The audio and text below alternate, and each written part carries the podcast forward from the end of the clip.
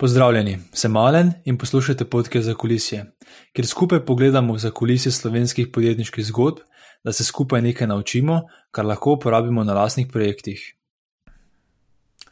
V 32. oddaji sem se pogovarjal z Luko in Dejanom, ki sta ustanovitelja podjetja Kingsbox, ki prodajo opremo za funkcionalno vadbo, kot je naprimer CrossFit, kalistenika, powerlifting in podobno. Fascinantno je to, da sta podjetje začela v garaži s 7500 evri lastnega kapitala, kar je um, potrebno za zagon uh, DOO-ja. Danes je pa Kingsbox eden izmed glavnih ponudnikov to vrstne opreme v Evropi. Še bolj pa je fascinantno to, da jim je v dobrih dveh letih uspelo priti do kar milijona evrov prihodkov in to brez zunanje investicije. In če vemo, da prodajata fizične produkte, je to še toliko bolj fascinantno. V podkastu smo se pogovarjali o tem, kako jim je uspelo, uh, specifično kako Kingsboxu uspe vsak mesec ponuditi devet novih produktov na trgu.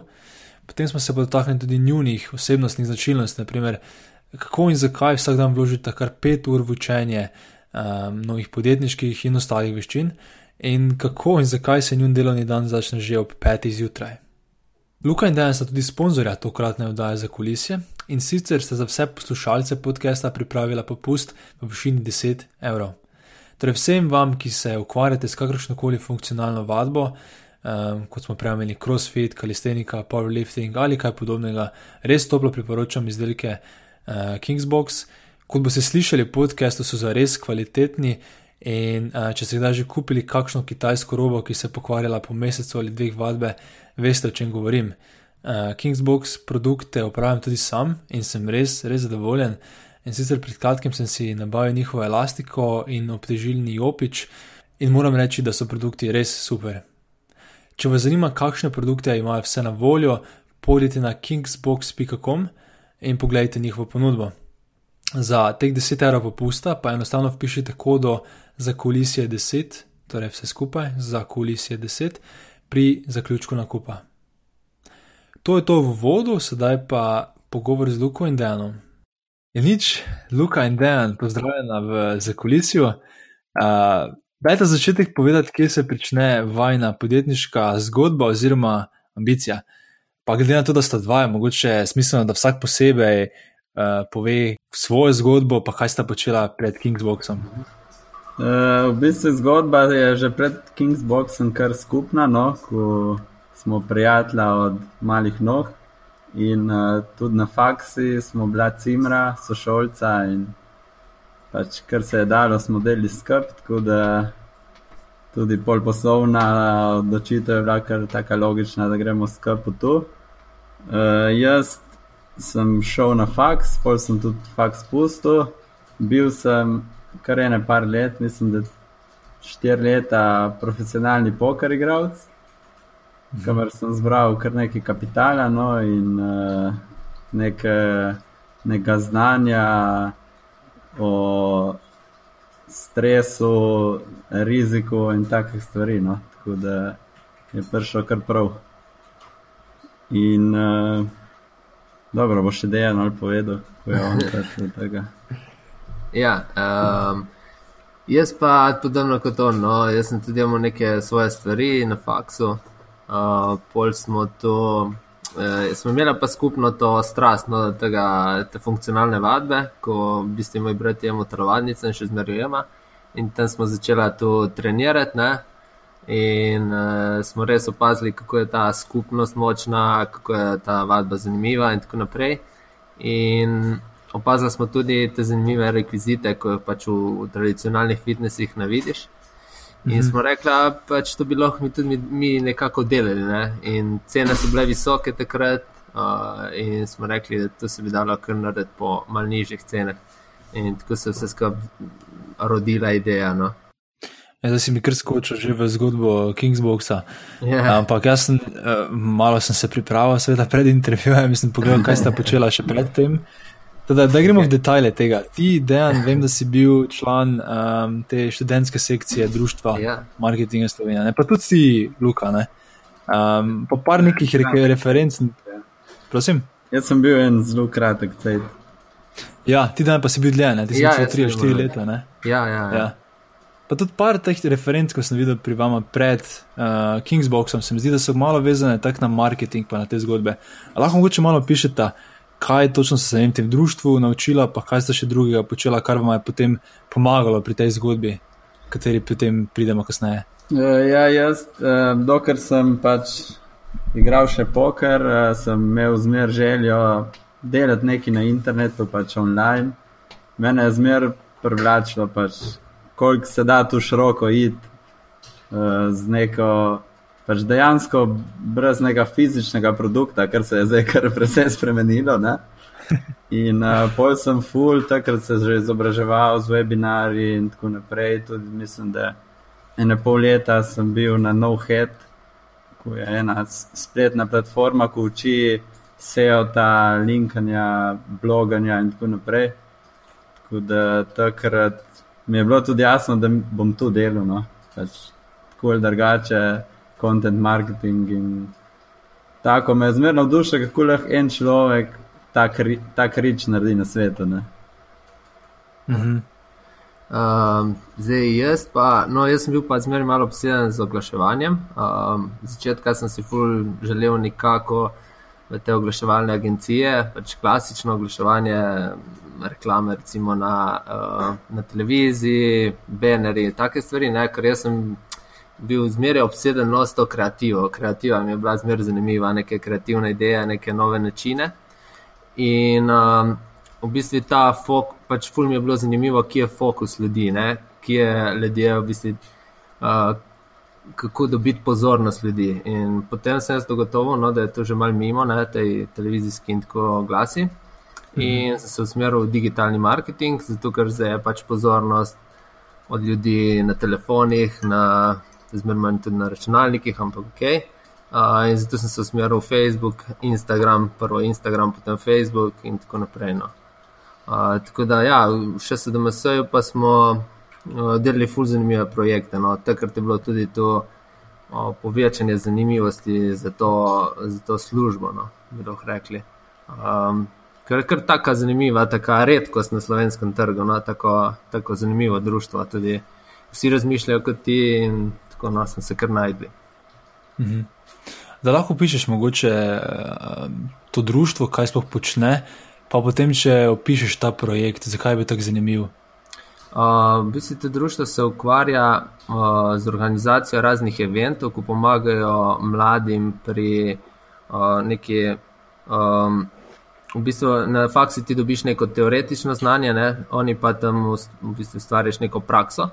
Uh, povezujejo se ful s takimi velikimi podjetji. Uh, vem, da recimo kakšne.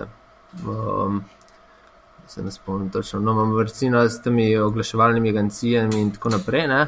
In zni, za njih se delate um, projekte, uh, ki razpišajo. Uh, tako da imaš res dosti vest, dobiš dosti poznanstva, vidiš, če ti je ta služba sploh zanimiva, ne konc koncu. Um, in uh, mi smo organizirali ta, ta največji festival, ko je za študente fanfara. Uh -huh to je tako zanimivo, no, zdaj pogledaj, če si od marketinga. tako da, ja, no, um, mi dva smo bila tudi res dosti poznanstev, ki jih še zmeraj ohranjamo, no, se še zmeraj slišimo s temi ljudmi in dejansko, če rabiš neko stvar, lahko še zmeraj enega pokličeš in vprašaš za mnenje in tako naprej. No. Uh -huh, uh -huh. Ja, in vsi se mi zdi, da so v tem društvu tako ali drugače uspešni. Ja. Ko, uh -huh. Že tako društvo se mi zdi, deluje kot eno podjetje, ne kot neko društvo, sam, sam da si. Vsak ima neko funkcijo in tisto mora delati, in če ne ekipa, ne gre naprej. Ne. Uh -huh. ja. Se spomnite še mogoče, zakaj ste se takrat odločila članiti v društvo? Ma, jaz mislim, da je lih tu, ne, ker pač na faksu ti dajo neko, neko teorijo, ko ne veš točno, kam je, kam je, kako je uporabiti. In vsak študent, ko ga vprašaš, pove, da pomanjka neke prakse. In v to, ta klub smo se, pol smo iskali v bistvu različne klube, ko smo se začetka skupaj učlanili. In smo iskali, kam bi lahko, ker sem dva učlanila, da bi lahko videla, pač preizkusila te stvari. Ne? In to, to društvo se je pol izkazalo za najbolj zanimivo. Um, pa ste že v tem društvu tudi delali z temi um, z digitalnim oglaševanjem, ali sta to potem kasneje, videla se sama učila? Uh, ma ne, v bistvu to je bilo pol kasneje. No. Uh, tu smo se sama, tukaj smo ustanovila podjetje, smo začela sama v bistvu vse te stvari povezovati. In, uh, 16 ur na dan smo to delali praktično in se učili zraven. To je bilo kar Mhm. pestro, v bistvu smo samo ukano, kar se tega tiče vsega. To je idealno. Ja. Da nam lahko poveste točno, kako ste se naučila, da se tudi mi. Ja, pač vse ni fulje lahko, pač fulje enostavno. Pač kupiš nekaj knjig, bereš vsak dan 3-4 članke, uh, slediš takim influencerjem v tej panogi, ko vejo, kaj delajo. In to je to. Pač 4-5 ur na dan in mislim. 4-5 ur na dan Ja. učenja ali 4-5 Učenja, ur ja. na dan delanja. Ne, ne, ne, učenja, pol praksa je ostali. Okay, kaj to pomeni? To pomeni, da se vidva zbudita. Kdaj se zbudita? Ja, Ja, Koliko je zjutraj? Ob, eh, jaz se zbudim ob 5-16, ne Ja, vem, 5-24. Oh, okay, to ste navajeni od nekdaj že tako zgodaj se zbujati? Ja. Ne. Uh, ja, mislim, ne, mislim, zdaj, zadnje tri leta, no, za me tu zdaj. Ja. Zadnje tri leta, tako živimo, prej pa smo se zbujali, kot si, no, Ob 11. Ja. zjutraj. če je bilo treba. Zdaj pa, Čekaj, zakaj pa se zbujate tako zgodaj? mm, boš ti Luka povedal? Ma, v bistvu mi smo, ko smo začeli firmo, mislim, da smo ob 9. se dobivali in pole je bilo zmer več dela in je bilo ob 8 in pol, pol ob 8 in tako. Zdaj kar za eno šesto uro smo v pisarni. No.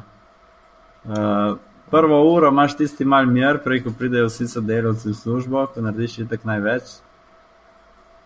Moraš pač nekako priti pred vsemi ostalimi, iti, ko vsi grejo. In tudi, ne vem, kadar pač res rad delaš, kar delaš, bi najraje še pol ure prej vstal, če bi telo dovolilo. Ne?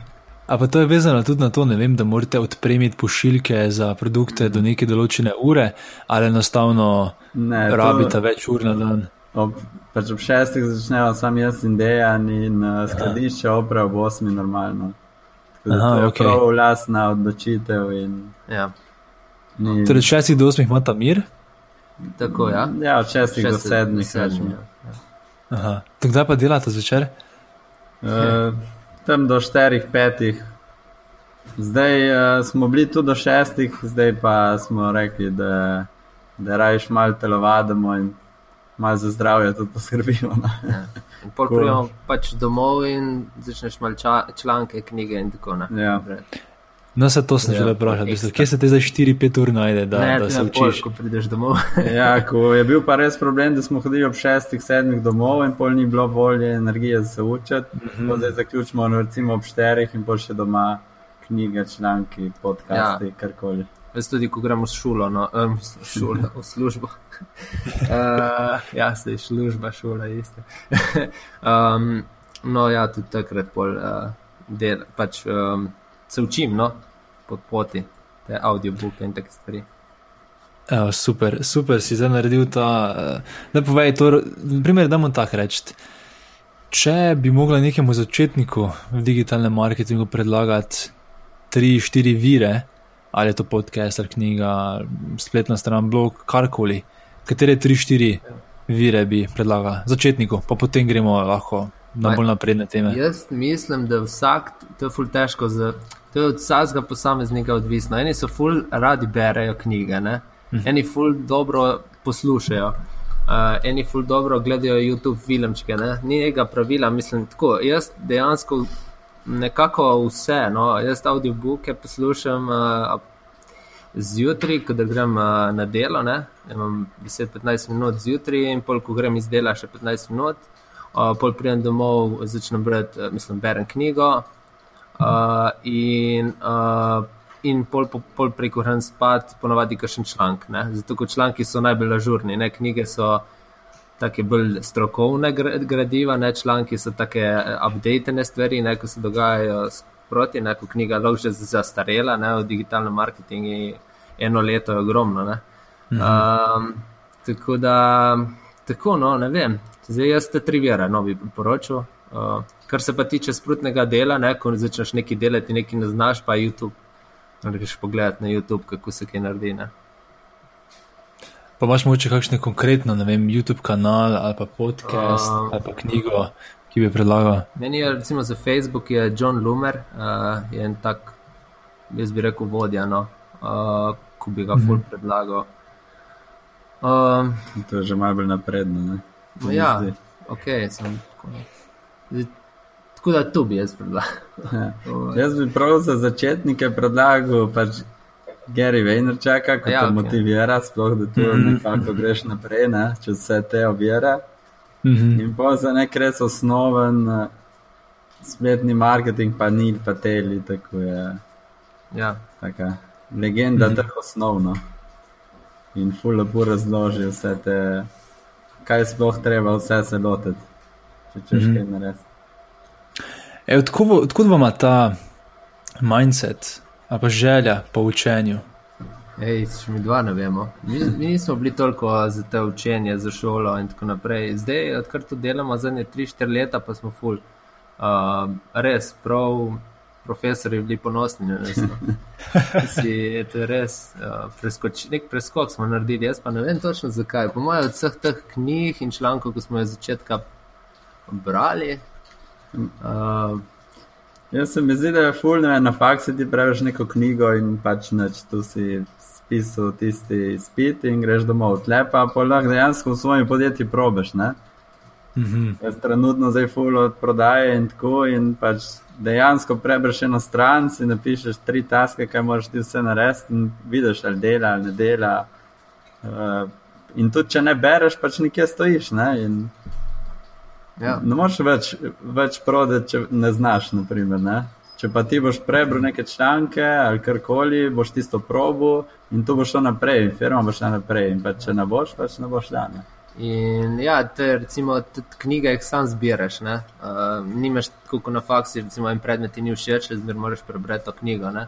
Ne, pač, če ti ni kul cool knjiga, ne boš šel brati. In to, to je taka dobra stvar. Ja. E, predno vas zdaj konkretno vprašam, kaj so stvari, ki jih zdaj implementirate, pa poskušate. Da bomo mogoče še poslušalcem razložiti v bistvu um, zgodbo za Kingsboxom. Ne? Začela sta že malo, oziroma ti dan si začel razlagati, um, odkot sploh ta težava. Um, Dajmo se še enkrat tistega elementa dotakniti. Torej, koliko sta bila takrat stara, pa katere funkcionalne vadbe ste, sploh, uh, sta bila sploh v bistvu udeležena? Uh, ja, mi dva smo bila stara, to je bilo ne pet let nazaj. Ja, ne, v bistvu 2013 ja, je bilo to. Takrat smo začeli, ko je brat odprl, odprl telovadnico. Mi sploh nismo poznali te vadbe, neč pač. Um, moj brat ima nek stil crossfita, samo malo bolj varna različica. No? Uh, uh -huh. tako, no, uh, v glavnem, takrat te vadbe nismo poznali, prej smo hodili v fitness, ta klasičen. In potem moj brat je, sploh ne vem, odkje je dobil to idejo in je začel. Potem mi smo začeli tudi in to je šlo, smo bili zmerbel noterno. In tu smo zmerbel nagrajevali in smo trenirali 4-5 na teden po več ur in smo zgradili tudi ta komunity, ki sem že prej govoril. In zanimivo je, da večina tega komunity, uh, v smislu teh, uh, ko smo takrat uh, vadili in trenirali skupaj, smo potem uh, mi zaposlili, no? uh, da nas delajo za nas. Uh, čeprav, pa, čeprav je vsak svojega področja, recimo imamo razvojnika, ki je delal prej v, eno firmo za IKEA, ko so nekaj razvijali. Uh, in je bil full za crossfit, in tako in smo rekli, da je prišel k nam, in je prišel, ne, in tako tudi prodajnica je na isti način. No. Uh, tako da, ja, um, um, ta želja, no, da bi je izhajala od tega, ker mi smo bili cele dni v telovadnici in vse naše misli so se nekje krožile okoli opreme, okoli uh, vaj in tako naprej. Mi smo tu zmer bolj dobro poznali uh, to storitev. No. Mhm. Če jim videl, so takrat ugotovili, da ta, kaj bo narobe točno za opremo. Ah, oprema je bila full draga in res ta keš zelo mm, neka kvalitetna, ni kvalitetna. No. Uh, mm -hmm. Sem videl, da smo videli pri mojem bratu, ko je mogel popavati opremo in v par letih je šla, pa če je mogel zamenjati vso. E, mi smo rekli, da tu bi sigurno mi naredili bolj uh, kvalitetno in pač za manj denarja. Vem, da je tu pač ni logično, ekonomsko, da pač si bolj poceni in imaš boljša kvaliteta, ampak je bil tak trg, da dejansko so imeli vsi kupovali pač eh, od Kitajcev in prodajali na trgu, um, pač recimo v Sloveniji, no še večina še zmer tako dela danes. Um, in so ponujali po ful visokih cenah, ne? in tu smo videli, pač tle, tle nek potencial. Ne? Da, mogoče konkretno, eh, koliko je bila cena? Zberi ne vem, nek produkt, ki se ti je v tistem spomin, koliko je stal. Uh, se spomnim, kakšne uteži. Palce. A, palce, a ja, palce. Ja.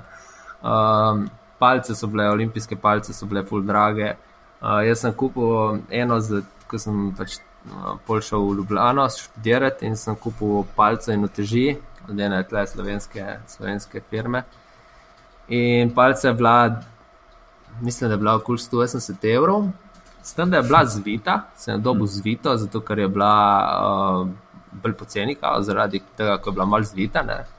Jaz sem rekel, ok, pač za počepe bo v redu. ne. In Ja. jaz sem rabo to res. Enkrat, dvakrat na teden sem treniral, ko če ne sem treniral v Sežani. In po dveh, treh mesecih mi je razpalo, mi je odpol ti slivs, mi je pol dol. In uh, pač sem rekel, ok, kaj je zdaj s tem. Jaz sem dal 180 evrov in dobim tako palco. In še, pač sploh se ni neki vrtela, mislim, da ležaji so bili pač uh, zameščeni. Ne vem, pač ne vem, ali so me res nategnili. Ali... V glavnem, sploh sem videl, da me niso nategnili, zato ko so prodajali tudi na strani še zmeraj te palce. No. Tako da so Ha. še koga drugega.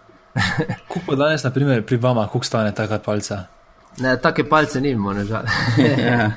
ne, si jih, pač, eh, recimo, eh, tisti osnovna eh, palca, ki je namenjena za cross training, ne, z, um, je recimo okrog 180 evrov, ampak je palca, ki vzdrži več let. Ne, eh, in je kromirana cela, ima um, iglaste ležaje, noter, tako da mi smo vse te s- slabosti iz prakse bolj zrihtali, da unam upritno. Nekaj mi zamorate razložiti. Ne? Vidva sta bila študenta ekonomije z idejo, da bo ta šla delati v bistvu crossfit, pa rečemo za funkcionalno vadbo, opremo. A sta imela videla sploh kakšne izkušnje z delanjem fizičnih produktov? Uh, ne. Ma v bistvu se nas do sprašujemo, mi dva sploh nismo imeli izkušenj. Um, kar te na faksi navadijo, je itek bolj malo, ne? Tako da mi smo dejansko šli v to brez kakršnega koli znanja, odprli firmo, še firme nismo znali odprti, kaj ko mi kaj prodati. In pol jih s tem znanjem, ko smo ga sproti dobivali, smo lahko v praksi uporabili in tako je šlo naprej. Ne? Jaz odpravim, ni, ni, nima smisla preveč tisoč knjig in podjetja nimaš, ne? ti odpri podjetje in zraven beri knjige, za kar rabeš. Ne? Mhm. In To, to bo zelo, zelo hitro, bojo rezultati. Ja, ima smisel. Ja, in še to, no, še, da smo Ja, zbrali to povej. prave ljudi. Oprosti, ja. Sem to, no, da smo res zbrali prave ljudi, ko imajo tudi dosti znanja iz različnih, no, k- pač tistega znanja, ko mi dva nimamo. recimo. Da moramo še te momente razdeliti čisto na začetku. To je ponovadi najbolj kritičen del, kjer večina ljudi, um, v bistvu tam, kjer se večina zgodb tudi preneha. ne. Teda, če gremo, ok, še enkrat, bila sta tam v telovadnici od tvojega brata, ugotovila sta, da so ta druga oprema nekvalitetna uh, in draga. Kaj bi naslednji korak? Kako sta v bistvu prišla do prvega prototipa pa produkta? Uh, v bistvu takrat je bilo tako, da uh, brat od Dejana je potreboval nove uteži in uh, Dejan je po nekih vezah do, dobil nekega distributorja od neke znamke ali od nekih Kitajcev in je prek njega nabavil jih za brata te uteži. Uh, tu so bile navadni koluti, bumper, zdaj pač to je šlo ful naprej, ima takrat je bilo pač črni koluti, navadni. In njemu je tu malo stalo, in tu se je prodalo na bohi, kar hitro takrat. In pol nekako je bilo logično, da zdaj pa ok. Če se je tako hitro to na bohi prodalo, zakaj pa ne bi zdaj še mi tu prodajali malo bolj konkretno? Ne? Ja, uh, začetka večina naših izdelkov je bilo iz Kitajske. Ne? Smo tudi mi tam uh, uh, delali te stvari. Uh, danes pa jih je že nekje 70%, ko jih delamo tukaj v Sloveniji. No. Uh, pač pol počasi smo, smo teli napredovati s kvaliteto še bolj ne, in smo se odločili, da je edini način, je, da delamo tukaj in imamo vse pod kontrolo. Torej, če prav razumem, si najprej ti preko enega distributorja Ja, zakupil neko količino, to si Mhm. dobro, in potem en del ste na Bohi prodali, potem ste Ja. pa že našli nekega proizvajalca na kitajskem. ja na nek tak način je bilo. Ja. Bi si takrat je pol dejan pristopil do mene, če bi mi v tu šli, ne? Ko vseeno je bilo treba zbrati 7500 evrov, ko smo jih pač vsak pol, pač za nekega študenta ni toliko malo, ne? Saj vsi vemo. In uh, tudi motivacija je pač malo lažje ohranjati v dveh, če en drugega malo puša. Ne? Mhm. Ja. In pol pa je, je trajalo, no? mislim, da je ene tri mesece, odkar smo mi začeli svojo proizvodnjo na kitajskem in tako naprej. Tako da to ni bilo pol njih čez noč, da bi mi kupili in prodali. Zdaj tiste prve, ja, sem mi smo teli tako boljšo kvaliteto, nov dizajn in tako naprej. Takrat se je rodil pol Kingsbox. Ne? ja, pol v bistvu. Ja. Začetka treh pač ni bilo znamke no? Ja. na izdelke. Se to je mogoče še zanimivo. Torej, um, to, ko ste se dogovarjali s Kitajci, kako je to izgledalo? A ste videli letela tja, um, ali ste se kar od Slovenije dogovarjali? Ja, to je bilo. Uh, mi smo rabili tako na štiri mesece, samo da smo dobili ene prave, prave proizvajalce. No. Uh, to je bilo res kompleksno in tako uh, razšlenili smo vse možne Ja. uh, na profaktorje, te um, ponudnike, no, te tovarne. Um, Tako da, ja, no, eh, nismo pa letela če, naredila smo si seznam podjetij, ki bi lahko sodelovali in pol pač po enega kontaktirali, pol videli, kje so bili zanimivi, pač jih je zanimalo sploh sodelovati z nami in tako naprej. Pač začetka, ko nimaš nekih količin, nimaš nekega denarja, je to malce težko. No. Vse pol, Mhm. se nam pišejo dosti tako, no, slovenci. Ja, naprej, kar, kar, kar smešna nami. ta tehnologija. Mi imamo lastno proizvodnjo na kitajskem, nismo bila pa še tam. Ne. A ja. Ja, nismo bila še, ne. Ko- Drugo leto planiramo. E, ampak dobro, to, to si rekel, da na začetku ti javijo, da pač mogoče so premale količine in podobno. To ja. Ja. me glih zanima, ne? um, kaj je bil čist prvi produkt ali pa serija produktov, ki ste ga dala delati, pa kakih količinah se pogovarjamo, veš? Uh, ja, začetka, se- mislim, da prvo naročilo, ko smo naredili, je bilo ene 20 olimpijskih palc. 7100 evrov. Ja, ja. ne vem točno. Neki, pač, uh, mislim, da je bilo ene 20 ali 10 ali 20 palc. Ja, In ene 2-3 tone vzdrži, nekaj takega, ja. se mi zdi. In uh, toliko mi mislim, da danes prodamo na dan. Tok palc ali nasplošno Na produktov? splošno toliko palc in toliko teh bumperjev. No.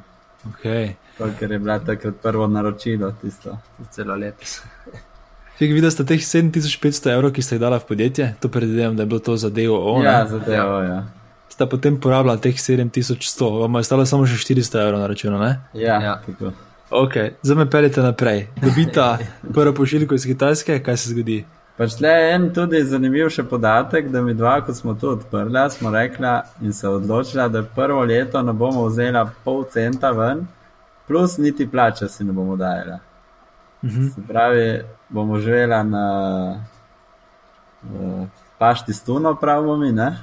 Ja. In uh, tu bomo eno leto, pač kolikor se, se da, kamor, dokler se da pridno, dokler mi dva nekako preživimo. Ja. Ja, no, in pol pač te 400 evrov, mi smo. Uh, V bistvu, ne vem, vidva smo postavili pol spletno stran, ja, template smo kupili za spletno Ja. stran na Shopifyju 50 dolarjev. in pol smo to sama preurejala, pač z YouTubeom.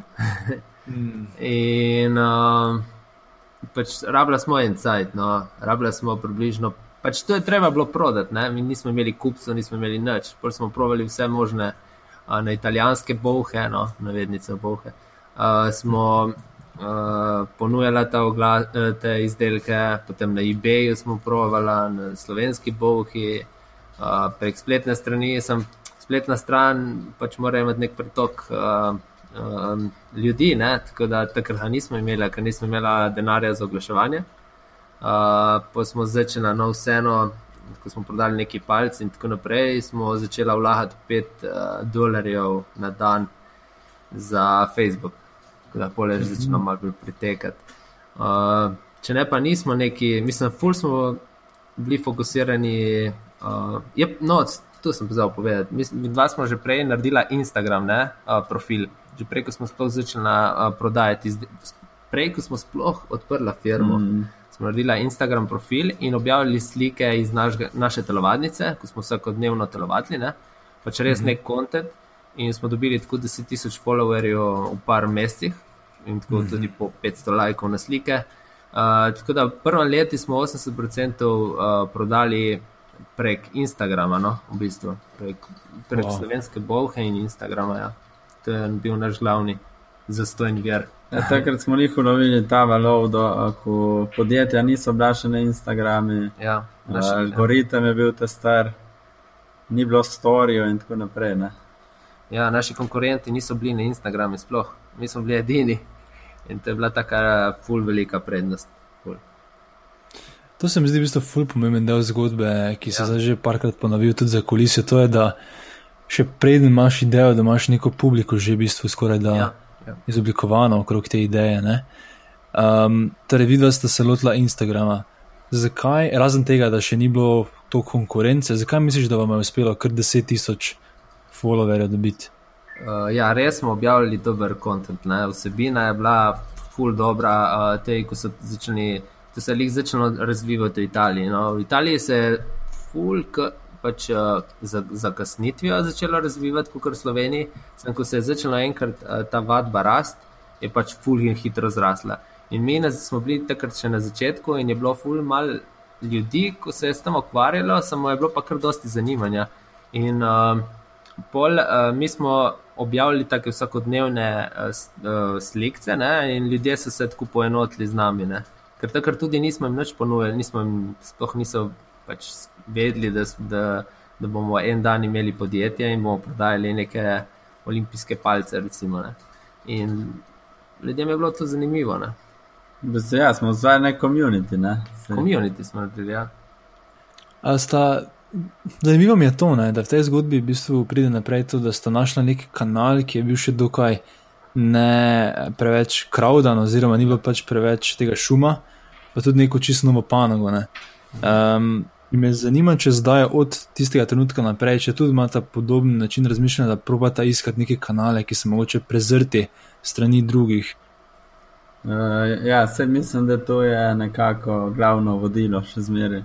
Uh, mi smo tudi zdaj zamenjali naš slogan, ki je Powered by Innovation, kar pomeni, da pravimo res iz, iz, znotraj te niše iti v neke mikroniše, z vsakim izdelkom zadovoljiti neko specifično skupino ljudi.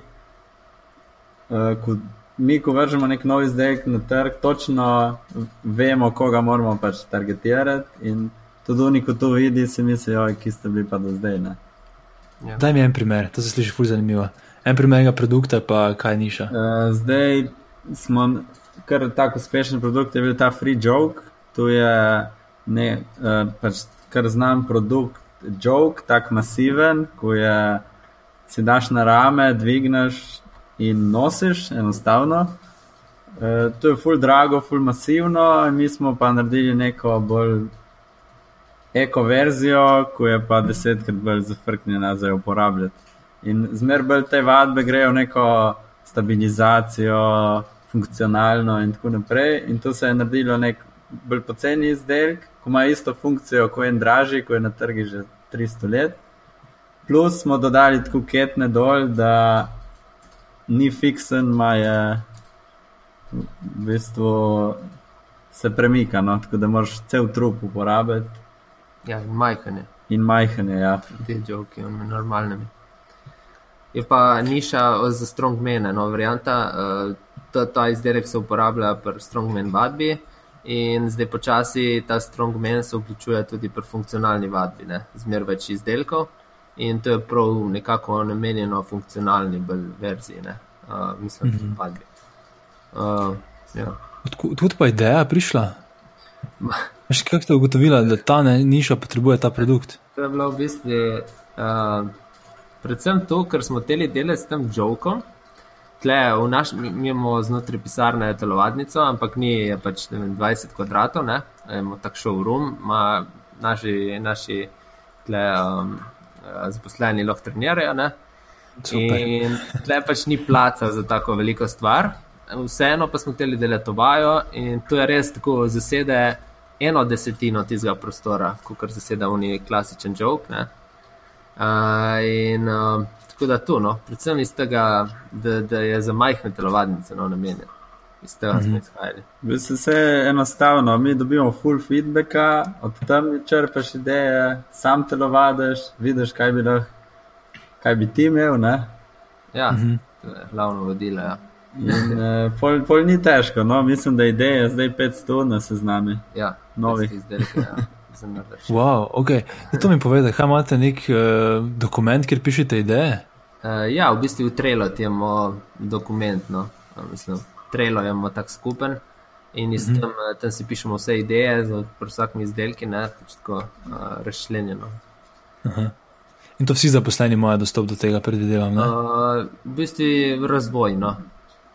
Uh, uh -huh. Zdaj za pač razvoj in prodaja. Račun. Ja, customer support, ko dobi idejo, in tako nam da nam, ne, in pol mi damo ta dokument, no, ko razvijamo. Mm -hmm. ja. Customer support se pa pogovarja s strankami in potem ja. vidi, ta, to je tisti feedback, o ja, katerem ja, ste ja, govorili. Ja, ja. Ok, ful dobro, ful dobro. Eh, zdaj smo malo sidetrackali, ja. um, kar je bilo sicer super, zanimivo, ampak čakaj, da, da telo zgodbo še dojamem. Torej, kje smo bili? Bili smo pri, ja. okay, bila sta um, pošiljko, 20 palc in 2-3 tone uteži. Uh mhm. -huh. Sta imela, postavila sta Shopify trgovino, ja. zdaj pomagala z YouTube videi. Ja, okay. je... A, Instagram 10 tisoč followerjev, kaj je bilo naprej?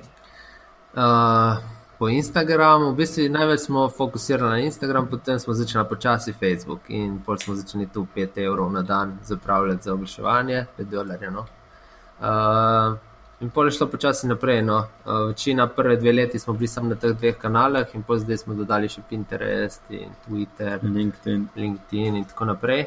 Je pa tako, no, mi izkoriščamo vse te vire, kamor je poceni fokus, mislim, poceni ta, uh, pač kamor, usmer, kamor so usmerjeni od uh, kupčevi pogledi, sam je poceni. Uh, mhm. Zato, ker zdaj smo še mlada firma in si niti ne moramo prvoščiti. Tudi če bi bili veliki, si ne bi prvoščili neke ne vem, televizijske uh, recimo, reklame ali neke take stvari, kar pač uh, sej. Logično, ker gledaš ti reklame na televiziji, mislim, ker prija reklame na televizijo, ti gledaš v telefon, ne? čakaš, gledaš Instagram, gledaš Facebook, ne čakaš, da gre mimo. Uh, tako da fokus je v telefon in v digitalni marketing. In mi iščemo v tej smeri v bistvu nove načine za oglaševati. Um, tako, no. ja, mi smo, kar drugi še niso. ja. Ej, kje, so pa, um, kje so bile potem od tega trenutka naprej, mogoče najbolj prelomne točke? Um, hm. Najbolj prelomne točke so bile, po moje, s tem, ko smo začeli um, izdelke delati sami, ne, v Sloveniji. Uh, to je bila ena taka prelomna, ko je bila taka težka za vse, no, znotraj podjetja, ko je bilo treba vse to organizirati. Uh, in druga so pa so bile, po mojem, te tekme, no, te tekmovanja, ko smo začeli organizirati, tekmo, mislim, organizirati posojati v bistvu opremo, oziroma biti sponzor uh, teh tekmovanj v CrossFiti. Uh, zdaj jih naredimo že 18 na leto, samo v Italiji. In to je bilo tudi tako, no, to je bilo groznega uh, organizacije, no, zelo res dosti organizacije in časa nam je vzelo ampak se je ful splačilo. No. Tle smo rateli v enem leti znani med vsemi italijani, praktično. To je edini mhm. offline uh, marketing, ki ga delamo praktično. Ne? Ja, mi nismo bili na nobenem sejmu, naprimer. Ne. Ja. Je to tako. Noben skoraj nam ne verjame. No.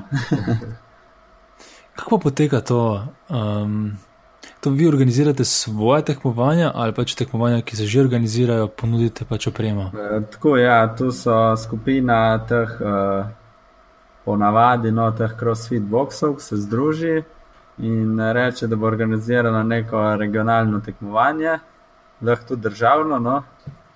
Tu se imenujejo te throwdowni in oni rabijo pač točno to opremo, ko mi ponujemo. In pol oni iščejo za rečnega glavnega sponzorja, ko jim to ponudi po nekih ugodnih cenah. In uh, mi smo pač tisto prvo leto se res potrudili in naredili nekaj vizualno zelo, zelo lepo.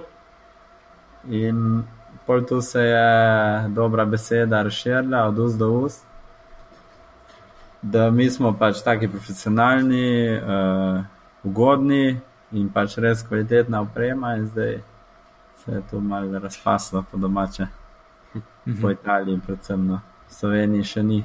Kaj ste pa naredili drugačnega? Rekl si, da ste bili naredili nekaj malo bolj specialnega. Ja, mi takrat smo še posebej ta glavni element te opreme, ta, kako se reče, rig, struktura, kamor se mhm. te vadeči uh, pač delajo različne vaje gor, pulape z obroči lesenmi.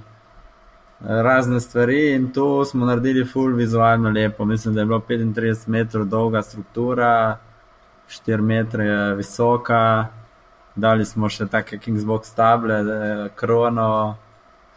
Eh, ful je bilo tako vizualno, tak šok. Se zdaj že vsak tu približno prova pofejkati, sam nekako smo bili prvi no, v tej, tej niši. Kakšen vpliv pa je to imelo na, na biznis? Pa če mogoče imate nekaj, ne vem, karkoli konkretnega, kaj se je zgodilo po tej, potem, ko sta prvo, prvo to tekmovanje sponzorirala? Uh, V bistvu jaz takrat se mi zdi, da sem se zavedal, sploh, kaj smo mi do, do takrat naredili. Ne? Mi smo šli takrat v Rim in uh, kar naenkrat je bilo tam tisoč ljudi, ko tekmuje s tvojo opremo, ko mi smo itek bili za računalnikom do takrat. In dejansko si, v bistvu, ta motivacija je kar narasla, mislim, za 21, mm. 20 krat. In ko ti vidiš, koliko ljudi tako trenira na tvoji opremi in hočejo imeti, in tako naprej, mislim, da po res ni težko peti zjutraj vstajati. No. ja, takrat, uh, mislim, tako, da smo zgodilo se je tudi to, no, da smo uh, prvič prodali neko, neko večjo naročilo v Nemčijo. Uh, po prvi tekmi, ko je nam Nemcem se je z Hamburga full dopala naša oprema, steli je me tako, tako je zaven, pred njihov, uh, pred njihov box. In so tako naročili, in pa smo naredili res tako veliko strukturo. In tudi neki palce, mi smo prodali. No. Uh, pač ja, te tekme so tako dobro gonilo. No. Sam uh, uh, moraš biti vsako leto nekaj zanimiv, nekaj drugačen. Leto smo naredili spet eno strukturo, tako kot jo nimaš nobeden. je pa ja. tako, da ti eno leto si narediš nekaj posebnega, drugo leto je vsi ta stvar, tako da res moraš vsako leto nekaj noga. Ne? Uh, se je pa zanimivo, no? ideja ima ful, tako da nas ne bojo še zdaj pa ulovili. ja. ja, nekje sem prebral, da imate nek cilj, da vsak mesec uh, date novi, devet novih produktov na ja. trg. Okay, odkot ta Mislim, to se mi zdi ogromno. Um, ja. Kot ta ideja, pa na kak način vam uspe. Ma, ta ideja je bila tako, ker uh, smo rabili nek minimalni cilj, vse v resnici mi jih damo več, ne? mi jih damo tudi po 12-15, kot je. Uh, sem dejansko nimel toliko časa, da bi vse, nam zmanjkuje časa. No, Za pač, testirati, še posebej. Ja, z, uh, ker vsako stvar moramo testirati in to vzame dosti časa. Ne? In pol, da s tem, ko smo naredili nek minimum, smo tudi hkrati optimizirali sistem, da gre ta stvar čim bolj hitro. Ne? In zdaj se je fulno pridobili kar nekaj, um, zmer več izdelkov, no smo sposobni, zdaj smo dobili še enega strojnika. No? Teda, zmer več izdelkov lahko. Računamo, da nekje po poletju bomo lahko že naredili 15 minimalno izdelkov na mesec. Je pa -hmm. tako, da res idejamo ogromno, no, imamo 500 izdelkov, samo še zdaj, trenutno, če bi lahko imeli 500 strojnikov, bi jih naredili. uh, ja, je pa tle kar smešno, ko mi smo imeli sestanek in dejanje prvo s to idejo, da bi mi spremenili nekako koncept. Ko prej smo bili full community, community in pol so nas vsi za, začeli nekako kopirati. Ne? In pol, ok, naredimo nekaj, ko nas pač ne morejo. Ne? In, uh, je, in mi smo dali idejo, ok, bomo naredili dva izdelka nova na mesec, ko pač konkurenti naredijo enega na dva meseca. Ne? Mhm. In potem je rekel, dobro, ok, mi bomo pa naredili devet. In tle, ker je pač taka cilj, ne, pol ni. ni. Pa cela ekipa mora delati sam za to. In, in tako da- zdaj delamo. Ne? Ja, zdaj je naš cilj pač tudi, da inoviramo. ne. Da, zato, ker vemo, da izdelke, uh, ko jih lahko sami mi ponudimo, je pač toliko bolj zanimivo za stranko, da pride zmer se vrača k tebi, ko ve, da bo nekaj novega videla. Ne. Mhm. Uh, pač, okay, določene izdelke moraš imeti, zato ker je standardno. ne, Pač vsak, vsak, uh, vsak ponudnik jih mora imeti, zato ker je osnovna oprema v telovadnici. Ma so pa zdaj te nove izdelke, ko delamo, res taki, ki jih nikjer drugje stranke ne morejo dobiti. No. Mhm. Ej, kako pa vidno gledate na to neko podjetniško idejo oziroma strategijo, ko nekateri pravijo, da veš tistih 80-20, ne, da gotoviš, katerih 20% produktov ti prinaša 80% um, prihodkov in se potem fokusiraš samo na tisto. Um, mislite, da boste nekega dne v tej fazi, ko boste konsolidirali, ali se pač ne strinjate s to filozofijo? Ma jaz eh, se ful ne strinjam. No, ko, eh, če greš ti to filozofijo naprej, se mi zdi, da te ful hitro kopirajo in pridejo kakšni, kakšna mlada podjetja, puhna energije.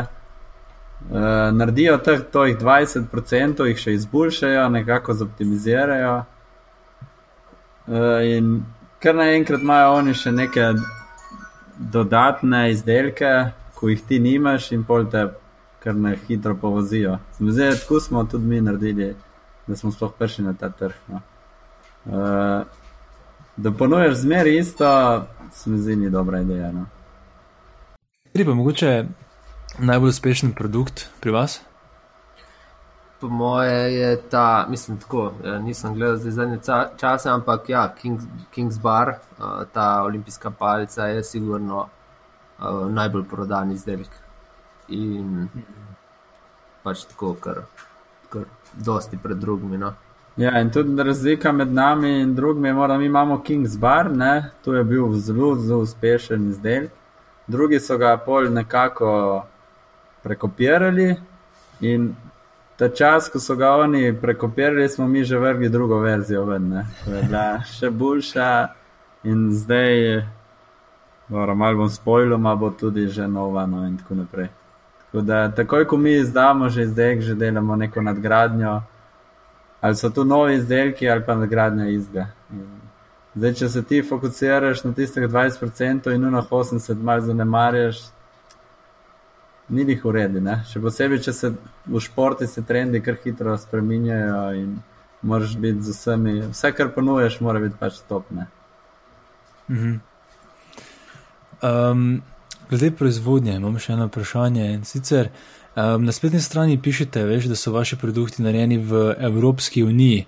A je to um, neka dodatna prednost, ki mogoče jo danes že uporabniki in pač kupci dejansko, veš, je to nekaj, kar dejansko prinese tudi večjo prodajo?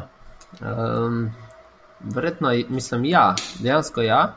Je pa tako, da kupci se zavedajo te pomembnosti, predvsem takrat, ko so že kupili nekaj, uh, recimo, kitajskega ne? in pred mi drugimi. In uh, pol vidijo, oh, ja, skoraj nisem kupil od njih, uh, ko delajo tukaj in dejansko ne vem, uh, ti lahko hitro zamenjajo, hitro nekaj izboljšajo in tako naprej. Ne? Uh, mislim, če rabeš. Ne? Tako da je uh, predvsem tu, no, zdaj kvaliteto itek, ne. Uh, kvaliteta je itek uh, nek višji nivo, ne, zato ker uh, so drugačni standardi, če ne drugega. Uh, da, ja, no, ma jaz mislim, da predvsem kupci, ko enkrat kupijo slabo, se zavedajo, koliko je pomembno, da je narejeno v Evropski uniji. no. Na kak način pa bomo uspeli narediti vse produkte, da so tako kvalitetni? Uh, mi sodelujemo s, s Biotehniško. biotehniško fakulteto, ko prvo morajo sploh nam podati vse standarde, drugače pač ne smeš prodajati po domače. Ne? In v drugo gre imamo neko čeklisto in morajo iti čez neko fazo testov. Tu smo mi, naši atleti, ki so sponzorirani od nas in pošljemo, testirajo, naprimer, en mesec, povejo nam točno, kaj jih moti, kaj jih ne moti, kaj je dobro, kaj je slabo. Uh, in pol mi tu naredimo nov izdelek, in tako dvakrat, trikrat, dokler ne rata res nek, nek uporaben izdelek. Ne. Ja. In še pol, tudi ko damo neko prvo verzijo ven, še kupce poslušamo in pol jo pa spet upgrademo, zareč, popravimo tiste malenkosti. Tako se mi zdi, da ena, tako skozi ta pogovor prihaja ten glavni vzorec naprej, to je, da v bistvu na nek način ste spremenili, spreminjate to industrijo oziroma panogo z temi zelo hitrimi cikli eh, introducanja oziroma predstavljanja novih produktov ne, na trgu. Uh, ja, pač to se mi zdi ena taka prednost, ko še zdaj niti ne občutimo, kakšna je, počasi, kot smo zdaj, ko mi od, janu, od decembra, mislim, da uh, delamo. Uh, ja, mislim, ugotovili smo, da dejansko v zadnjih mesecih uh, nam res dosti prihodkov ustvarjajo te novi izdelki, ko jih naredimo v zadnjih, recimo, treh mesecev. Uh, in uh, naši konkurenti tega ne morejo, ne morejo, pač, ne morejo slediti. Zato, ker je težko slediti, če imaš ti proizvodnje samo na kitajskem. Recimo, uh, mhm. Rabiš vsaj dva meseca, da dobiš prototip v Slovenijo. Recimo, uh, pol kaj še, da ga moraš izboljšati da ga moraš spet, ti ga moraš poslati, tako da lahko gre eno leto mimo. in, uh, tako da, ja. ja, tudi ko mi, ko sem vam rekel, konkurenti izdajo enega na dva meseca ven. In že ja. takrat nam gre, naprimer, na živce. Ne? Kaj ko mi njim, pač ko mi to res vsake, ne vem, par dni vržemo enega ven. Kaj ste že dobili, kak feedback od konkurentov, posreden ali pa neposreden? Ja, kar dosti nas pač. Na Facebooku smo mogli, naprimer, revije odstraniti, Zato, ko so nas zaspemali, dejansko je ne 50 tenk v par minut. in uh, tudi tako, no, ker, uh, ko se reče, kar flejmajo nas offline in tako naprej. Ja. Im, ni, im, ni, im ni prijetno, da smo mi na trg prišli. Odkud so pa največji konkurenti, kaj se pogovarjamo, globalni trg ali tukaj v Evropi večinoma? V bistvu največji konkurenti, pač eden največjih, pač največji konkurenti iz Amerike, ampak ostali so največji na svetu, so prihajali iz Italije. No. Tako da Italija je full nasičen eh, trg eh, s konkurenti, pač je kar bitka. Ampak če nekako usvojiš Italijo in Nemčijo, ne, potem si lahko v vseh državah, eh, ni tak eh, problem. Tako da zdaj ta Nemčija in Avstrija je naša, naš naslednji, mislim, je že ciljno poteka in tudi kar zanimivo. No. je, kako se poteka prodaja? Zdaj smo se pogovarjali o spletni strani in o spletni prodaji. A je to edini način, ali prodajate tudi na druge načine? Uh, zdaj, v bistvu, nek side project so, da bomo imeli še stojnice na teh tekmah, no, ko smo se prej pogovarjali. To bomo pravili zdaj v nas v tem letu čim več izkoristiti. Smo tudi kar nekaj časa zdaj posvečamo samo v planiranju, da bi čim več izkoristili. Drugač pa mislim, da glavna ta zlata ni bo online, to je, to je naša strast. Tu, če sem jaz, ne vem, lastnik eh, telovadnice, bom naročil pri vas online, ali to bo tem poteka, ne vem, nekako prek prodajnega oddelka. Zdaj trenutno iščemo nov prvega prav, jaz pravim, prodajnika, ko bo dejansko lahko šel tudi na teren in uh, ustvaril te odnose s kupci fizične. No. Uh, Zaenkrat tega nismo imeli, razen po telefonu, mailu. Ma, probali bomo in bomo videli, kako bo šlo. No, tako bom rekel. E, kako ste se pa lotili um, pridobivanja teh atletov, vaših Kingsbox atletov? Uh, Um, na spletni strani sem opazil, da imate nekatere tekmovalce, ki so hm, po angliško endorsani iz vaše strani. Ne? Kako se za to sploh dogovoriš? Uh, mi smo naredili eno glas, prvo kot prvo, uh, na Facebooku, da iščemo nove atlete, sponzorirane. In prijavilo se je res ogromno. Pač, ogromno je bilo prijav, jaz mislim, da je bilo 50, sigurno, tako v par dneh. In potem smo morali tu mi vse te CV-je pregledati, ja, videti, kateri so. Zdaj, ne bom rekel tisti, ki so zmagali, mislim, itak tisti so bolj zanimivi, ampak naša, naš, uh, mi smo zmeri celni to, da tisto strast, ko imamo, ne? tako kot smo imeli mi. Mi tudi nismo bili, pač ko smo telovadili v telovadnici, nismo bili tisti tabulči, ki grejo pol na games, uh -huh. uh, oziroma te, te večje tekmovanja. Smo imeli pa tisto strast, isto, kot jo imajo te, ko grejo na te games. In mi smo iskali te, te ljudi, ki posvečajo praktično vsa svoj prosti čas uh, tem treningom.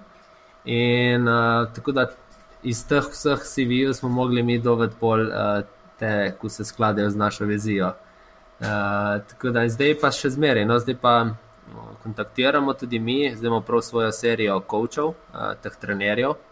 Uh, imamo tudi najboljšega v Evropi, uh, trenerja, ki sodeluje z nami. Uh, tako da smo se fully osredotočili na trenerje, ker mislimo, da so oni tisti, tisti skoraj še bolj pomembni kot atleti. Ne? Zato, ker koči v tem športu so zelo tako uh, spoštovani in uh, se jih gleda. Uh, recimo, en koč ima lahko tudi 10-20 um, atletov, ki so svetovno znani, ne? tako kot ima ta naš evropejski. Ne? Tako da je tudi tu nek simbol, uh, da smo ta pravi, ta prava znamka. Ne? Kako pa zgleda ta dogovor? Veš, čas najde nekega kavča ali pa atleta. Um, res mislim, jaz pojma nimam, tudi me zanima. Ne vem, kako se dogovoriš, sploh ali to sponzor samo v obliki opreme ali tudi plačuješ. Veš, kaj so ja. njegove odgovornosti, pa kaj so tvoje obveznosti. Ja.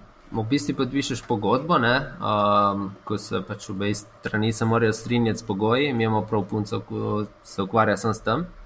Uh, seveda, odvisno zdaj od atleta, kakšni smo pač, pač tudi finančno podpremo, uh, večini pa jih plačamo tudi tekmovanja in tako naprej. No. Določeni vzamejo opremo, tako no. Kukor, to je stvar dogovora, ena na ena. No. Kaj pa je njihova obveznost? Uh, recimo njihove obveznosti, mm, ne vem, objavljanje našega hashtaga, nastaganje na slikah, da uporablja našo opremo na slikah, da ima mhm. naše majčke na tekmovanjih in mhm. um, tako naprej. No. Kršne jim damo tudi kode, uh, pri katerega imajo njihovi sledilci potem uh, popuste in tako naprej, da je neka, tudi za njih nek, uh, nek veljo. No. Ja, tle je malo uh, mal, uh, feeling. Ne? Mi na začetku smo imeli fulve neke probleme, zdaj kaj da ti kako bomo dali ali, ali premalo ali preveč. Mislim, da tle so sami izkušnje. Ja. Komi, koliko kaj dati. In res niti en atlet nima isti dogovor kot drugi. Da bomo malo še um, se ene teme dotakniti, glede vajnih vlog. Um, na LinkedIn-u smo se oba dva pogledala, pa imata oba napisano, da sta CEO, torej ja. direktorja. Zanima me, kako ste se vidva razdelila vlogi uh, na začetku, pa mogoče kako si zdaj delite? Eh, na začetku ni bilo neke razdelitve, sploh. Prve dve leti smo delali oba vse. Uh, dobesedno pakirala, delala spletno stran, pisala tekste, pač res. Tisti, ki je prvi prišel do tistega taska, v njega naredil.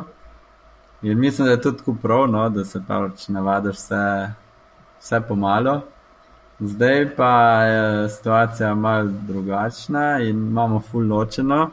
In Dejan ima cel marketing čez in uh, inovacijo izdelkov, in jaz pa imam customer support, prodajo in pač to osnovno vodenje podjetja, plačevanje računov in tako naprej. Ja, in in pač vsaka, vsak skrbi za svoje področje, in en drug mi pa zaupamo, da pač vam dosta več vejo o prodaji in customer supporti kot jaz. Ne? Tako da, če vam nekaj reče, je tisto prav. Ne? Tudi če jaz ne mislim tako, tisto pač drži, ker ima več izkušenj in več znanja. Ne? In isto na mojem področju. Uh, ja, tudi ko smo rekli, da beremo dosti knjig, člankov, jaz ne vem, če sem prebral dve knjigi od marketinga. ko pač bi se vtikal v neko stvar, ko bi bil toliko nazaj, da je pač brez veze. E, kako poteka, ko se odločate, da boste nekoga novega zaposlili, ali da boste mogoče celo neki novi um, department oziroma več del podjetja odprla, neko da zdaj prodaja. Kako se tega lotite, kako vas tudi preberete neke knjige, preden se odločite za prvi, prvega zaposlenega v tem oddelku, ali poiščete kak na svet zunaj, ali kako drugače? Ma, to je tudi iz vseh teh knjig ti vidiš, kako deluje neko veliko, ogromno podjetje, kako deluje neko veliko, kako neko srednje pol. Se mi zdijo neki logični koraki, ko že veš naprej, da boš enkrat pa mogel tudi tu narediti naprimer IT-jevci, zdaj jih nimo, jaz vem, da čez nekaj časa mora biti tudi ta oddelek in tako naprej. Ne? Uh, se mi zdi nek logičen step, ko pol ga pa skupaj prediskutiramo. Naprimer, prodaja smo videli ful neko luknjo ali v teh offline interakcijah s strankami. In tu smo videli lahko tudi že eno leto nazaj, sem priješ do neke točke, ko rečeš, ok, zdaj pa zgubimo preveč denarja, če tega nimamo in ja. moraš. Uh, Dejansko mi dvajamo se, pač sestank, pa itek smo skozi navezati tudi doma in tako in pač se pogovarjamo o teh starih, ne. Uh, vidimo, ki so pomanjkljivosti in polješčemo pač rešitve. Če vidiš, da imaš problem, ga boš rešil boš zaposlil osebo in mm -hmm. tako naprej. Je Ni... pa prav tako, no, da iz teh, iz teh knjig en prebere eno knjigo in reče ti, ima veš, da vem, klici so 30krat bolj konverteni kot maili, ne? kaj ne bi mi tu mal pogledali. Ne? In pol ti greš, prebereš še deset člankov tega in rečeš, ti si imel prav, ne? zdaj treba tu nekaj narediti.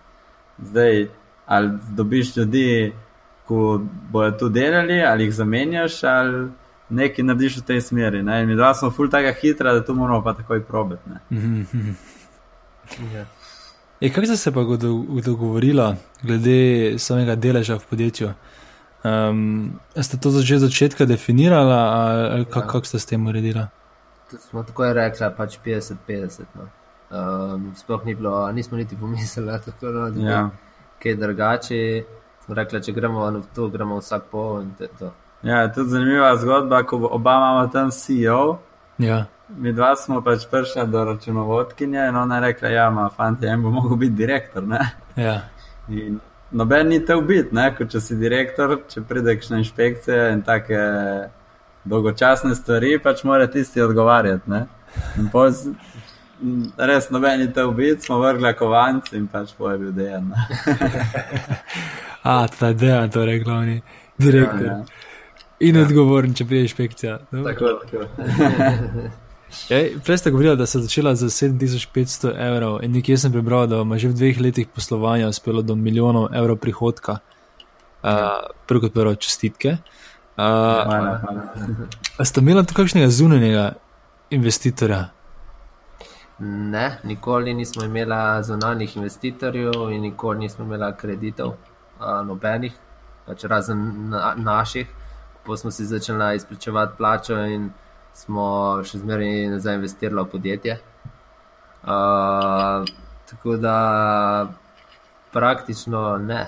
Ja, bilo, bilo je dosti snupcev, ja.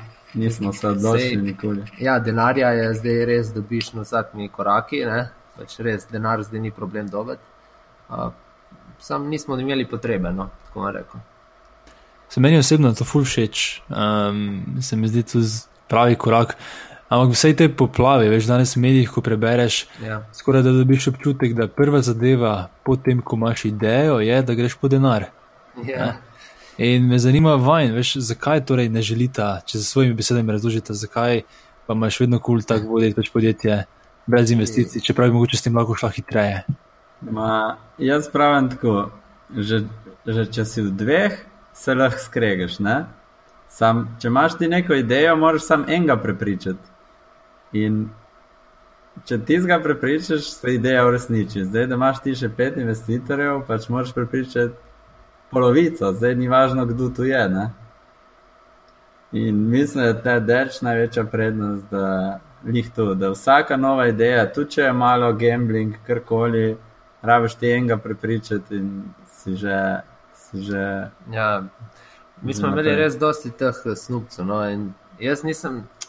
Uh, imaš tisti občutek, si predstavljaš, kako bi bilo še enega tretjega jamati zraven. Mm -hmm. In imaš zmeraj občutek, da bo vse skupaj pač podrl ta sistem, ko smo ga mi dva zgradila, nek odnos. Ne? Mm -hmm. Tako imaš še enega, tako je še neke njegove um, ambicije, ne vem, lahko svoje cilje neke.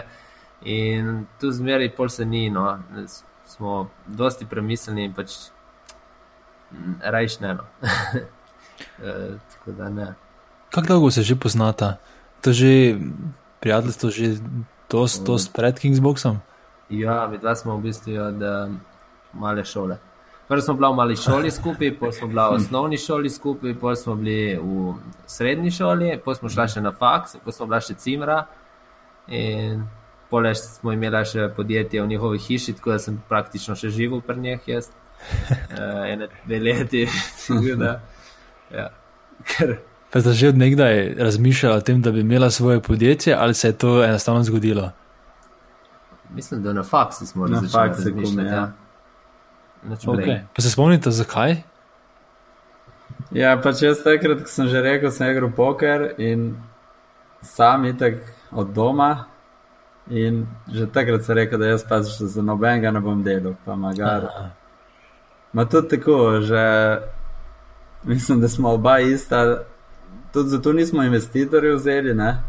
Ma, da ti en govori, da zdaj pa devet izdelkov na mesec je preveč, si preveč ambiciozen, pa treba se malo ustaviti. Pač, hvala lepa, ne. tu mi ne rabimo. Ja. ja, meni isto. Pač, uh, ne, jaz sem zmeraj imel to željo, jaz sem zmeraj full idej. Uh, In zdaj, če delaš za enega, tvoje ideje so malo manj vredne kot njegove, mislim, tako ful, manj vredne kot njegove. Uh mhm. -huh. Jaz sem si zmer želel te ideje uresničevati. Meni je ful dobro nekaj zidati, nekaj graditi. Ne? Meni ni pomembno, da imaš ti nekaj cash na banki ali nekaj, meni je ful pomembno, da nekaj rase, da nekaj se dogaja. In uh, jaz mislim, da to ne moreš doširiti, ne v taki meri, uh, da delaš za enega. Uh, tako da, tako da podjetništvo rešitev. Ja. Zdaj, ko smo ravno pri tej gradnji, kje se vidite, mogoče čez pet let? To je tako klasično vprašanje, ko bi ga dobil na intervjuju za službo, ampak ker si ravno omenil to, ne, da, da ja, ne, vse je na mestu, si tudi mi razmišljamo, da ste o tem. Ja, pač mi si želimo v petih letih imeti svojo halo, vsaj ne 2000 kvadratov. Kjer bomo lahko imeli, zdaj trenutno imamo pisarno ločeno od skladišča, nekje en kilometr proč. Ne? zato smo se tudi full, full uh, časa um, posvečali temu, da smo dobili pravo osebo, da to da enoto vodi, ne skladišče, ko je res samostojna. Ne, dejansko nam je full uspelo, ko imamo full fajn uh, in full dobrega uh, tam vodjo. No, v glavnem, z, en dan si pa želimo tu združiti, da bi imeli pač pisarne in skladišče v enem. In uh, tako, no, tu je zdaj naš pet let, petletni. Ja, je pa kar tako zanimivo vprašanje, ko jaz rečem. Če me bi vprašal pet let nazaj, ki bi bil čez pet let, sigurno ne bi rekel tukaj. Ne. Gre lahko res toliko stvari, ali prav ali narobe, da ne boš niti približno tam, kot si mislil. In to moraš malo sprejeti, ne, da, da si ne delaš nekih res preveč dolgoročnih planov. Mhm. Ja.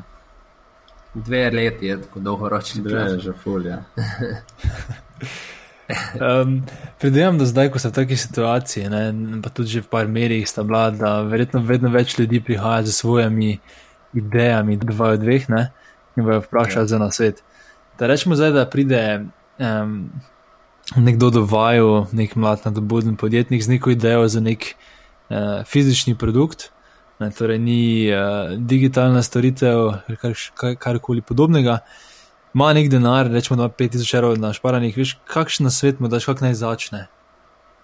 Ja, če nima denarja, bo lahko vložil toliko več časa. Uh, recimo, če imaš ti dovolj denarja, lahko in ga plačeš za te stvari, če pa ti nimaš denarja, boš lahko vložil čim več svojega časa, ne? tudi 16 ur na dan. Če je zdaj pripravljen uh, vložiti toliko časa, se lahko pogovarjaš naprej. Recimo, sem um, zdaj spet odvisen od izdelka in tako naprej malo tudi mi, recimo, smo fulj zainteresirani, da bi dobili, smo doskrat razmišljali, da bi dobili dva taka, kot smo bila, bila mi dva, tri leta nazaj, ne, v tisti začetni fazi in da investiraš, pač to je to. Sam, um, tako da smo mi dva tudi odprta za vem, uh, investitorje in tako mm. naprej. In da ponujaš svoje znanje in svoje izkušnje. Um, če ne pa ja, trdo delo, bi jaz rekel, no, tako, um, da je najbolj pomembno. Delo in učenje no, začet, v začetnih letih, pa sploh. E, jaz smo bi rekel, naj vrže fizični produkt smeti, da pet ur na stran, da preživi eno leto in dela digitalnega od doma. Ko s fizičnimi produkti, brez denarja pač in brez investitorjev, je res, res težko. In, ja, ampak bomo uspeli. Ja, ja, se je. Ja. Se pravi, 16 ur dela. Ja. Jaz se zdaj smo v tem zaključnem delu intervjuja že, ko um, ponovadi ena stvar, ki tudi vprašam, pa si se zelo navezal na njo, Luka, um, da imaš dosti idej. In se to vprašanje je, veš, če imata vidva kako idejo, ki ni vezana na Kingsbox, pa bi jo delila s poslušalci in da jo kdo drug proba narediti. Ja, jaz bi dal eno idejo, ne? pač res. Je, jaz bi, pač zdaj, ko lahko pogledaj, pač pogledamo te trende, ne? uh, aplikacije in uh, storitve, izdelke in tako naprej, ko zmanjšajo čas uporabnika, ne? da nekaj skrajšajo, neko stvar, da ti skrajšajo za pol, ima tudi za 20%, ljudje so full pripravljeni plačati za tako stvar. Ne? In jaz mislim, da je ena stvar, ko nobeden ni naredil še nič na tem področju in vsak dan tu gledamo, je likanje.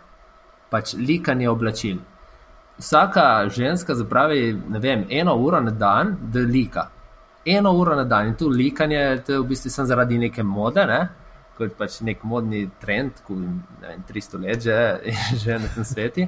In zdaj tu likanje zapravi od človeka eno uro na dan. Jaz mislim, da če bi en se spomnil neko stvar, da bi tu likanje skrajšala, nek stroj, da se bi tu vse skupaj skrajšal ta čas, ne? ne vem, na pol ure, Jaz mislim, da tle pač je to milijarderska stvar. No. Ja. Mislim, da obstajajo neke alternativne temu klasičnemu likanju, ne, ne vem, sparo in tako naprej, ampak tu ni to, pač ni to. to. Um, tako da jaz tle vidim potencial. jaz bi kupil, sigurno. ja, tudi, problem je poznan, zato sem tudi pred uh, časom proval čim več stvari si kupiti, ki, ki jih ne rabim likati. Da pravim, ja. čim manj Pravno na tak način veš skrajšati zadevo. Ja, ja, ja. ja. ja. Dobro, Kaj pa ti, Luka, imaš ti kako idejo? Jaz imam v bistvu eno aplikacijo, se je bedna, mislim, ko je spet aplikacija. Sam full ene hrane se po svetu vrže proč. In naprimer, gospodinstva naredijo golaš, ne? In ga zmer naredijo za ne vem, pet oseb več, tako kar kot je realnost, da bojo takrat pojedli. Jaz sem razmišljal, da bi naredil eno aplikacijo, ko bi ti lahko prodal že narejeno hrano, kar ostane. Se pravi, jaz naredim 20 pelečink za mojo družino, malih, ko jih delam, jih bom naredil pa 40 ne? in 20 jih bom prodal lokalnim ljudem. Ne? In to bi bila kot neka varianta, da ti objaviš, imam 20 pelečink za prevzeti ob 8 zvečer, cena vem, 2 evra. In Ko imamo res dosti dobrih kuharic v, v gospodinstvih in te razne none, pravimo mi, naredijo zmer trikrat preveč in to bi bil kar dober biznis. No? In raštiljade in tako naprej. Tako neki lokalni marketplace za tako, tako. hrano. Za pripravljeno hrano, ja. Pa če je bila še domača, še toliko boljše, ne? Ja, se to je. In uh, ful bi zmanjšal ta waste hrane in vsega. Ne? Ja. Ej, Luka, dejan, najlepša vam hvala za, za ta čas in za zanimive odgovore. Zdaj, kot zadnje vprašanje, še um, prej sta omenila, da uh, sta odprta za investicije, tako da me zanima, kam vam lahko vsi, ki imajo svoje ideje, pišejo piče, na kateri e-mail. Um, Hecam se, seveda. Zanima me, kje. Um, kje vas lahko poslušalci najdejo na spletu, veš, kako lahko pridejo v kontakt z vama ali pa z vajenim podjetjem? Mm, mislim, da v LinkedInu, prek LinkedIna smo skozi dosegljiva. Uh, lahko pa pišejo na mail, uh, recimo že na infoafnakingsbox.it, potem pridem naš predalček. Vidva še vedno uh, berete, če... vidva še vedno za tiste, ki berete, kar pride na infoafnakingsbox. V bistvu jasno, ko Aha. sem pač razporejam customer supportov maile, no, še zaenkrat. Ja. Prav tudi to so spremenili v naslednje pol leta. Čeprav mislim, da je res zelo pomembno, no, da še zmeraj vidimo, malo pač vidiš dejansko stanje. Mm -hmm.